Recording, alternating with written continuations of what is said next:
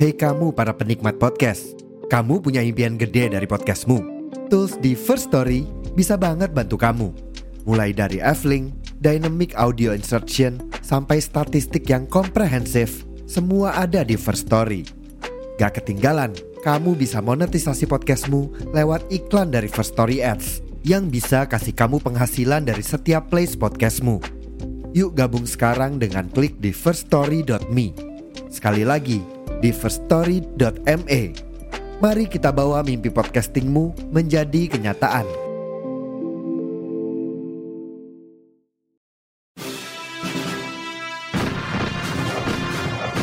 Saya berbicara di sini sebagai penyambung lidah rakyat Indonesia.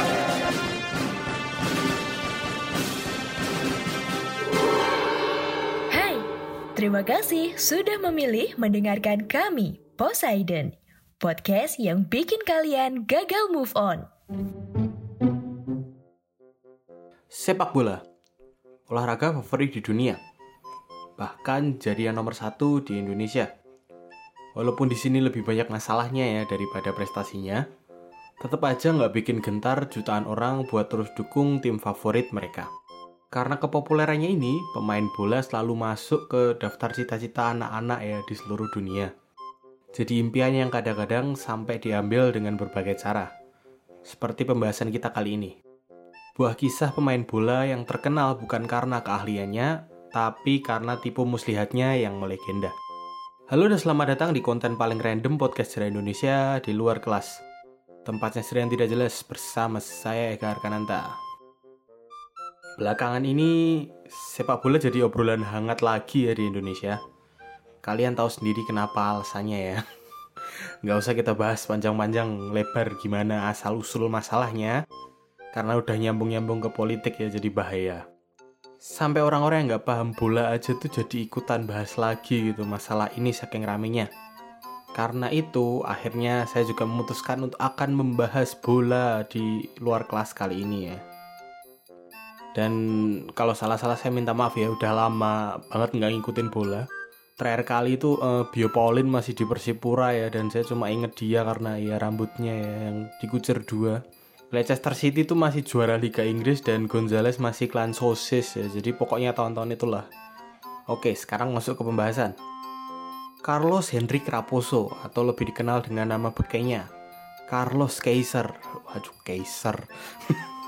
adalah seorang pemain sepak bola berkebangsaan Brazil yang aktif berkarir profesional antara 1970-an sampai awal 1990-an.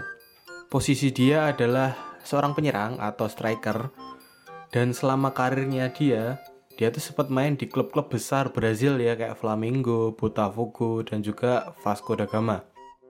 Lucunya adalah selama hampir 20 tahun karir profesionalnya ini dia sama sekali nggak pernah mencetak satupun gol. Bahkan nggak pernah asis sekalipun.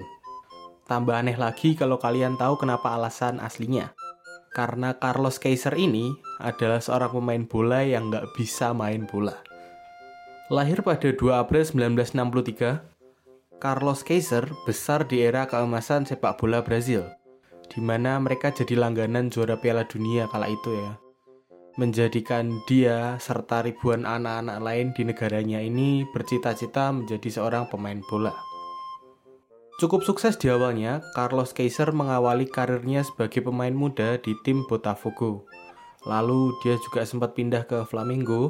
Belum akhirnya di tahun 1979, dia ini tuh dilirik oleh talent scout dari tim Meksiko ya, namanya Puebla. Dan akhirnya dikontrak secara profesional. Sayangnya kontrak ini tidak bertahan lama dan hanya selama beberapa bulan. Kemudian dia dikeluarkan ya tanpa sempat bermain di satupun pertandingan. Sekembalinya ke Brazil, Carlos Kaiser yang sadar dengan kemampuan bolanya yang di bawah rata-rata, ini kemudian memutar otaknya untuk tetap melanjutkan impiannya bermain bola secara profesional. Di sinilah dia akhirnya menemukan keahliannya yang lain. Keahlian yang membawanya berkarir selama 20 tahun ke depan tanpa sekalipun harus bermain di pertandingan. Jadi gini, walaupun skill bolanya di bawah rata-rata, Carlos Kaiser ini tuh punya karisma dan pembawaan yang setara sama superstar yang udah juara kompetisi berkali-kali. Dengan bermodal hal ini, dia akhirnya bisa membangun relasi yang berujung dengan perekrutannya ke berbagai tim sepak bola di penjuru Brazil. Dengan berteman dengan pemain-pemain profesional yang dia temui di pesta dan tempat-tempat hiburan malam, Carlos Kaiser yang secara penampilan juga kelihatan kayak pemain bola berpengalaman ya, minta tolong untuk direkomendasiin ke teman-teman mereka. Rekomendasi ini kemudian biasanya berujung uh, ke kontrak pendek selama setengah musim, di mana di minggu-minggu awal Carlos Kaiser ini tuh selalu ngeles untuk nggak ikut main dengan alasan mengembalikan performa terbaiknya. Dan setelah beberapa minggu ini berlalu, dia ngelakuin tipu muslihatnya yang lain, yaitu dengan pura-pura cedera hamstring. Cedera yang susah banget dideteksi ya pada zaman itu karena teknologinya belum ada. Dan cara lain adalah dengan nyogok dokter atau bayar ya tentu saja ya. Bahkan dengan nyogok pemain lain, pemain yang lebih muda untuk ngebikin Carlos Kaiser ini tuh cedera waktu latihan. Alhasil hasilnya apa? Akhirnya selama masa kontraknya ini Carlos Kaiser ini tuh bisa dapat duit ya tanpa harus main di pertandingan sekalipun. Ulangi terus hal ini selama 20 tahun dan itulah hidupnya Carlos Kaiser. Kenapa nggak ada yang curiga? di luar lapangan walaupun nggak pernah main sekalipun ya karena cedera ya cedera dalam tanda kutip Carlos Kaiser ini tuh tetap disukai sama teman-teman timnya karena pribadinya ini tuh easy going menyenangkan dan selalu bisa menaikkan mood di ruang ganti belum lagi dia tuh populer banget ya sama cewek-cewek jadi nggak heran lagi kalau banyak temen timnya tuh yang akhirnya akrab sama dia sekali lagi balik ke karisma dan relasi yang dia punya dia cukup pintar serta meyakinkan sehingga tipu daya dia ini tuh gampang dipercaya sama orang-orang. Sementara relasi dia yang ada di mana-mana ini tuh dengan senang hati ya mengakui keahlian bermainnya. Walaupun mereka bahkan sama sekali nggak pernah lihat si Carlos ini tuh megang bola ya padahal. Cara yang dilakukan adalah dengan jalan bolak-balik sambil telepon pakai handphone, barang yang sangat jarang dan sangat mahal ya pada waktu itu. Pakai bahasa Inggris. Kurang keren apa kelihatannya? ya walaupun kita tahu ya kalau itu bohong ya karena dia tukang bohong HP-nya tuh cuma HP mainan dan bahasa Inggris yang dia pakai tuh cuma bahasa Inggris yang belepotan dia ngelakuin hal ini supaya kelihatan kayak dia tuh sedang diincar sama klub-klub besar di Eropa gitu dia diteleponin terus dan menambah legitimasi keahlian dia. Walaupun ya nggak usah main ya gitu. Jadi cuma ngomong doang intinya dia. Dari semua aksi tipu-tipunya ini, ada satu kesempatan yang bikin saya ini tuh terkesan banget ya sama kecepatan berpikir dan juga skill ngelesnya Carlos Kaiser ini. Jadi saat bermain di klub namanya Bangu di tahun 1985, Carlos Kaiser yang seperti biasa alasannya sedang cedera ini ya, dipaksa harus ikut main soalnya mereka sedang kalah 2-0 dan perlu keahlian sang maksud saya mega bintang ini buat membalikan keadaannya tapi kan dia udah bilang cedera ya, kok masih disuruh main? Dia bisa nolak dong, siapa yang bisa maksa dia gitu buat main? Jawabannya ya pasti ya adalah pemilik klub yang ngebayar dia. Dan pemilik klub Bangu ini bukan sembarang orang. Namanya adalah Castor de Andrade yang merupakan seorang bichero ya atau seorang kingpin atau kalau di Indonesia ini tuh uh, gembong kriminal. Dan gak cuma kriminal biasa, saat itu di waktu itu Bapak Castor ini tuh dikenal sebagai pria paling berbahaya di Brazil. Usahanya secara legal adalah bisnis kasino, ya tapi legalnya jelas ya kelihatan dari julukannya. Gak usah ditanya lagi pasti ya wow wow wow ya. Pilihan Carlos Kaiser ini tuh cuma dua, terpaksa main dan ketahuan kalau dia tuh cuma nipu, terus endingnya meninggal ya dibunuh, atau uh, menolak main jadi ngeyel tetap menolak main dan endingnya juga dibunuh. Di sinilah tipu muslihatnya Carlos Kaiser ini tuh terlihat secara maksimal ya.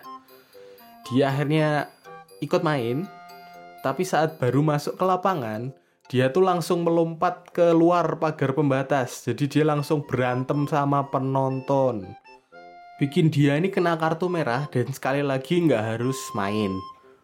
Tapi kan ini tindakan bodoh ya, nggak mungkin dong kayak Castor de Andrade ini tuh nggak marah gitu ngelihat kelakuan nggak jelas ini ya. Tapi tipu muslihatnya nggak selesai di situ.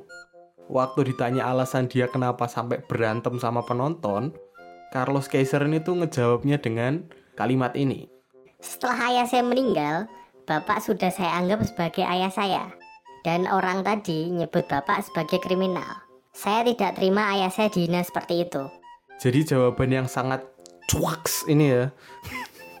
Tapi juga cerdas di saat yang bersamaan karena nggak tahu kenapa mungkin Castor de Andrade ini tuh terlalu sering nonton telenovela ya. Sehingga beliau tuh nggak hanya memaafkan tapi juga memperpanjang kontraknya si Carlos Kaiser ini. Sekarang kalian percaya kan kenapa dia bisa berkarir sampai 20 tahun walaupun nggak pernah main sekalipun? Kriminal paling bahaya di Brasil aja bisa kena tipu, apalagi orang-orang lain gitu loh. Carlos Kaiser ini bahkan sama sahabatnya ya Renato Gaucho, uh, seorang yang punya karir di tim maupun nasional lebih bagus dari dia. Ini tuh bahkan nyebut dia sebagai pemain bola terhebat yang nggak pernah main sekalipun. Jadi itu tadi pembahasan kali ini kisah tentang seorang pemain bola terhebat yang nggak pernah main sekalipun ya. Pesan yang bisa kita ambil adalah kejarlah impianmu dengan sungguh-sungguh, tapi jangan sampai nipu ya kayak Carlos Kaiser ini ya. Dia tuh beruntung loh bisa sukses. Banyak kok yang nipu gagal gitu kayak sama gadungan gitu yang biasanya cuma buat cari istri ya. Terima kasih yang sudah mendengarkan. Kritik, saran, atau ide bahasan bisa dikirim ke Instagram at podcast underscore sejarah Indonesia atau ke Instagram pribadi saya di @rotikecap. Jika ada kesalahan, saya mohon maaf sebesar-besarnya. Saya Eka Arkananta pamit. Sampai bertemu di konten Poseidon lainnya. Bye-bye.